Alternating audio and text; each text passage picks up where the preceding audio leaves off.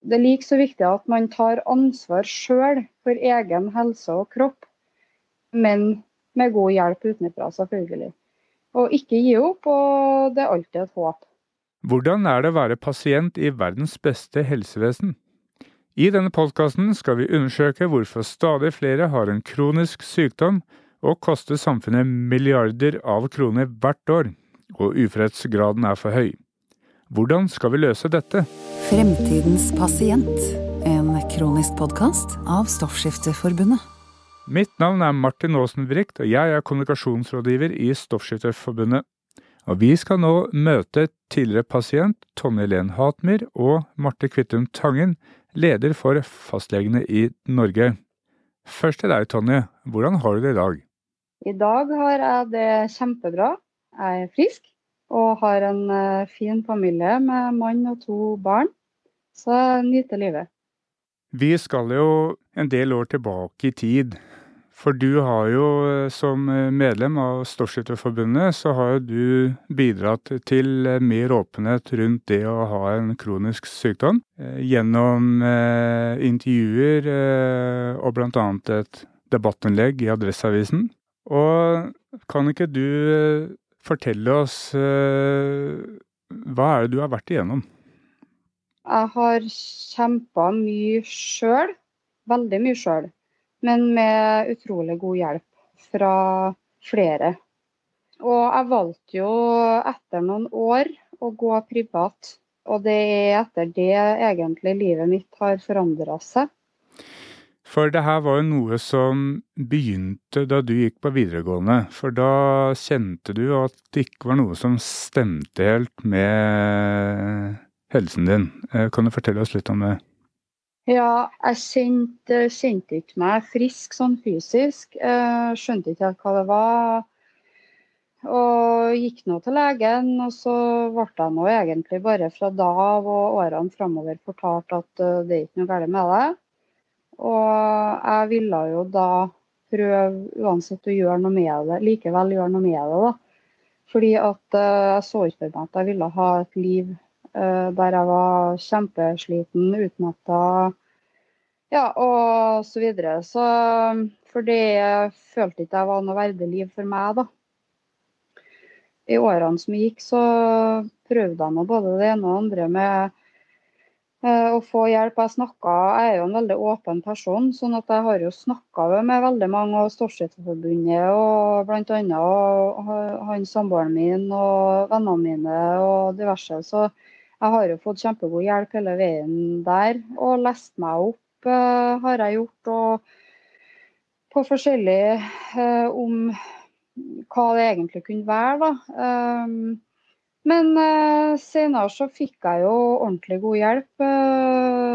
så etter det så Ja, det kan ikke sammenlignes livet mitt nå med da. Det er men, men, jeg har blitt en erfaring rikere. Jeg har, jeg har jo lært mye om meg sjøl, da. Og jeg er jo glad i ettertid for at jeg ikke ga opp og tenkte at jeg skal bli frisk. For du har jo lavt stoffskifte, mm. og det er jo en stoffskiftesykdom som rammer veldig mange i Norge. Det er over 200 000 som har den sykdommen. Og det er jo en sykdom som eh, gjerne har usynlige, diffuse symptomer. Mm. I ettertid, hvordan vil du beskrive ditt møte med fastlegene? I ettertid så uh, vil jeg si Altså min erfaring er, er at uh, det er kanskje litt for lite kunnskap blant uh, legene generelt om denne sykdommen. Da. Og det jo, kan jo godt være, tenker jeg, at de, de, vil jo, de, vil jo, hjelpe. Men det er klart, hvis det ikke er nok kunnskap der, så, så vet de ikke helt hvordan de skal få til å hjelpe heller. Så jeg har jo ønska meg at det kanskje kunne ha vært litt mer forskning og sånn på temaet, sånn at det, det hadde jeg fått hjelpa litt tidligere, da. Ikke bare jeg, men uh, mange andre òg som uh, sliter. Mm. Vi hører og leser om at mange med en kronisk sykdom med usynlige diffuse symptomer, og andre med senskader etter en akutt sykdom med lignende symptomer, gjerne snakker om at det kan være vanskeligheter med å bli forstått og bli trodd. Hvilken erfaring har du med det, Tonje? Eh, jo, det med å få forståelse fra alle rundt og bli trodd, det er utrolig viktig for min del. Og selv om jeg må jo si at jeg har aldri følt meg som et offer. Det gjør jeg jo heller ikke i dag. Men jeg skal ikke legge skjul på at det har vært utfordrende de her årene. Det er like så viktig at man tar ansvar sjøl for egen helse og kropp, eh, men med god hjelp utenfra, selvfølgelig. Og ikke gi opp, og det er alltid et håp. Det syns jeg var en god oppsummering, Tonje. God dialog med fastlegen og de nærmeste rundt. Takk for at du stilte i vår podkast, Tonje Len Hatmyr. Jo, takk for at jeg fikk være med. Fremtidens pasient, en kronisk podkast av Stoffskifteforbundet. Neste gjest er Marte Kvittum Tangen, som er leder i Norsk forening for allmennmedisin. Velkommen til podkast, Marte. Tusen takk. Hvordan har det siste halvåret vært? Eh, det siste halvåret eh, har som leder av Norsk forening for allmedisin også vært preget av denne fastlegekrisa, og jeg er veldig bekymra eh, for om vi klarer å ta vare på den beste måten å organisere allmennlegetjenester i kommunen på. Ja, for hvordan vil du beskrive fastlegekrisen? Det er sånn at det blir eh, verre uh, uke for uh, uke. Jeg har erfarne, gode, flinke fastlegekollegaer som slutter og som ikke klarer å håndtere arbeidsmengden lenger. Og da blir jeg veldig bekymra, for det er de som kan faget, eh, allmennmedisin, og det er de som kjenner pasientene og som har fulgt pasientene over lang tid. Eh, og det er ikke bare bare å få nye leger inn i ordninga. Eh, for å bli en god allmennlege så trenger man å ha en god veileder også, noen å spørre, en dør å banke på, eh, gode råd å få så er det vel også sånn at eh, relasjonen mellom fastlege og pasient her er viktig også over tid. Og eh, for en uh, gruppe pasienter som har en kronisk sykdom som gjerne går mye til fastlegen, hvilke konsekvenser kan fastlegekrisen ha for pasientene? Det er sånn at det er aller alvorligst for de som trenger fastlegen aller mest. Eh, pasienter som har eh, kroniske sykdommer, trenger å ha den legen som kjenner deres sykehistorie, og som forstår eh, hvordan de legger fram sine plager på. Det tar tid å bli kjent men vi vet at det tar enda lengre tid å få tillit til, hverandre. Jeg har vært fastlege på Tynset i 20 år, eh, og det tok også for meg lang tid å bli kjent med mine pasienter. Vi snakker alle sammen forskjellig når vi skal beskrive de plagene vi har.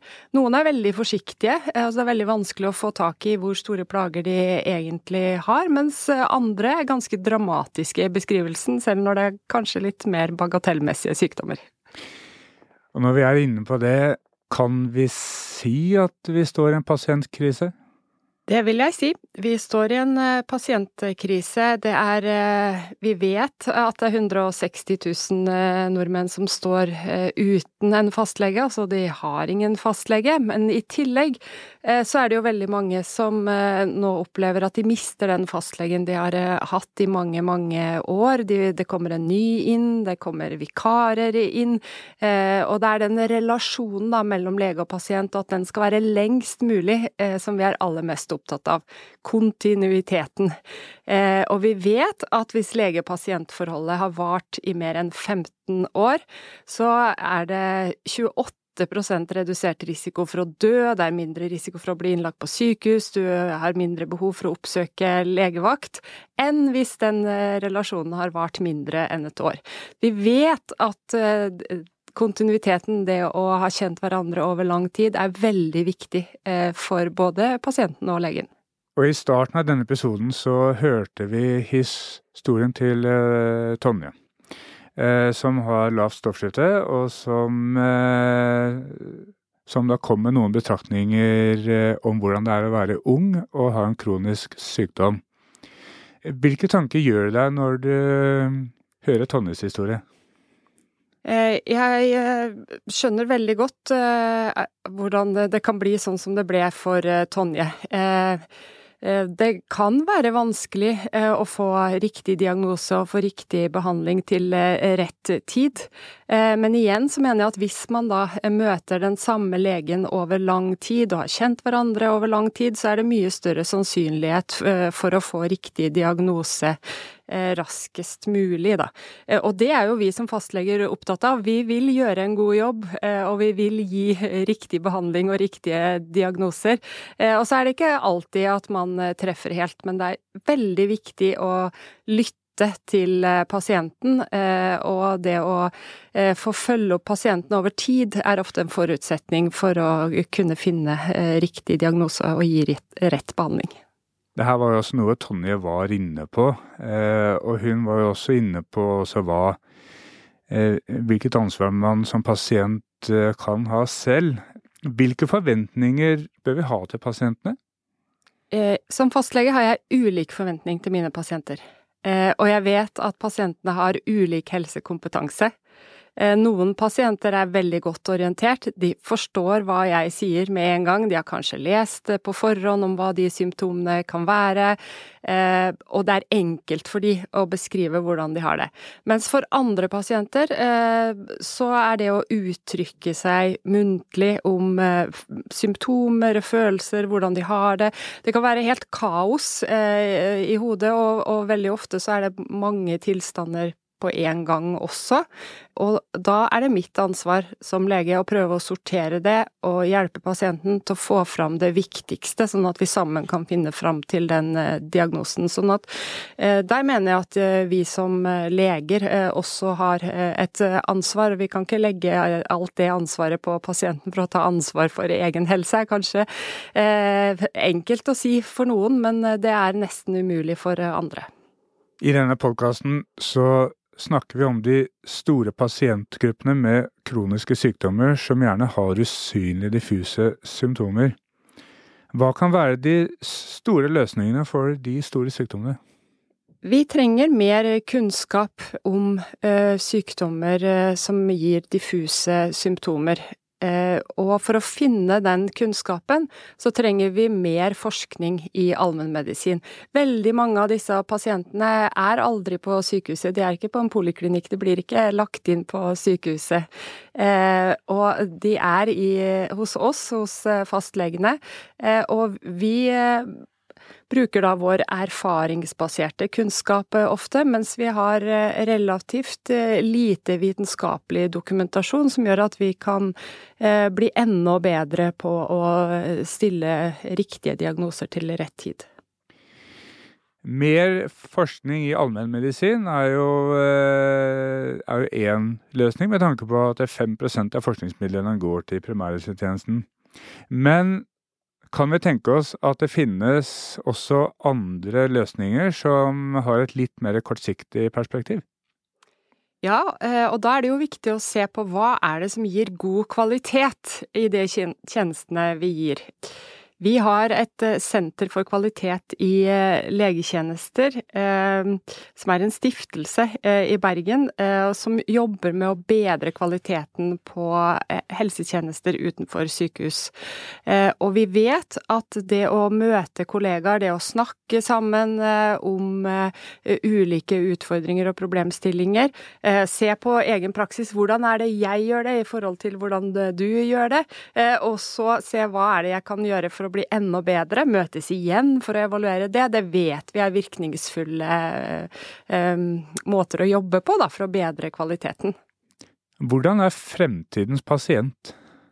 Det er et veldig spennende spørsmål. Eh, jeg tror jo at eh, folk kommer til å være folk eh, også i, framtida, og at vi kommer til å ha veldig mange av de samme utfordringene som vi har nå. Men vi ser jo at levealder øker. Jeg tror vi kommer til å bli enda eldre enn vi er nå, og vi vet at med økt alder så øker risikoen for å få kroniske sykdommer, og det tror jeg den kommer til å gjøre også i framtida. Jeg tror framtidens eldre pasienter vil i større grad bo hjemme og ha flere og, og, sammensatte lidelser, altså flere kroniske sykdommer. Eh, så tror jeg at eh, jeg håper at framtidens eh, pasient eh, også har bedre helsekompetanse, eh, og at de kan litt mer om sykdom. Det er noe jeg ønsker, og jeg ønsker meg gjerne mer undervisning om helse og sykdommer inn i skolen også, så at vi alle sammen kan vite litt mer om, kroppen og sykdommer. Og så tror jeg at framtidens pasient også har behov for å møte eh, folk og møte legen sin. Se legen inn i øya, og jeg tror eh, legen har behov for å ta og kjenne på pasienten også i framtida. Så jeg har ingen tro på at vi kommer over i et heldigitalisert eh, helsevesen i framtida. Og når vi er inne på det med fremtidens pasient. Du har i mange sammenhenger eh, engasjert deg i spørsmålet om sosial ulikhet i helse. Først, hva er årsakene til at det er sosial ulikhet i helse? Det er sosial ulikhet eh, i helse som i stor grad er eh, eh begrunna i at vi har eh, ulik eh, inntekt og ulik eh, utdanning. Det er det som er grunnlaget for at det blir sosial ulikhet i helse. Vi vet at en person med grunnskoleutdanning i gjennomsnitt har god helse til han er 60 år, mens en med høy utdanning har god helse til han er 70 år. Og sånn er det i hele verden. Det er helt klare helseforskjeller betinga i inntekt og utdanning. Eh, og, for meg så er det veldig urettferdig. Eh, og jeg ønsker at vi som samfunn skal gjøre noe grunnleggende for å endre på det. Vi må motvirke det. Men så ser vi at de sosiale forskjellene i helse, de øker også i Norge eh, år for år. I gjennomsnitt så blir vi friskere og vi lever lengre, men de sosiale forskjellene blir større. Hvilken sammenheng er det mellom sosial ulikhet i helse og kroniske pasientgrupper?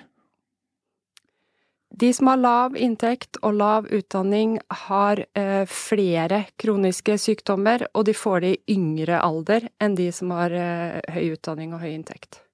Og hva kan vi gjøre for å bedre på det? Det er et eh, utrolig bra spørsmål. Hva er det vi kan gjøre? Hvilke tiltak kan vi iverksette? Jeg tror vi må endre på måten eh, vi gjør eh, ting på. Vi kan ikke gi det samme til alle. Da vil forskjellene bare vedlikeholdes.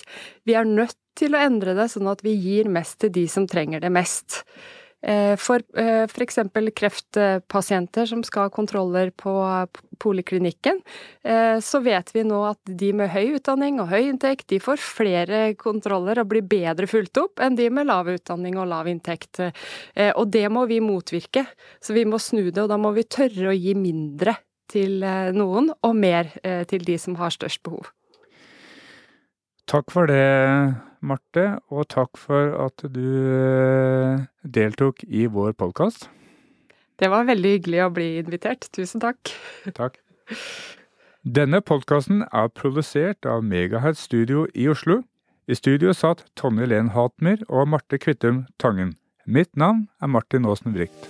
Fremtidens pasient, en kronisk podkast av Stoffskifteforbundet.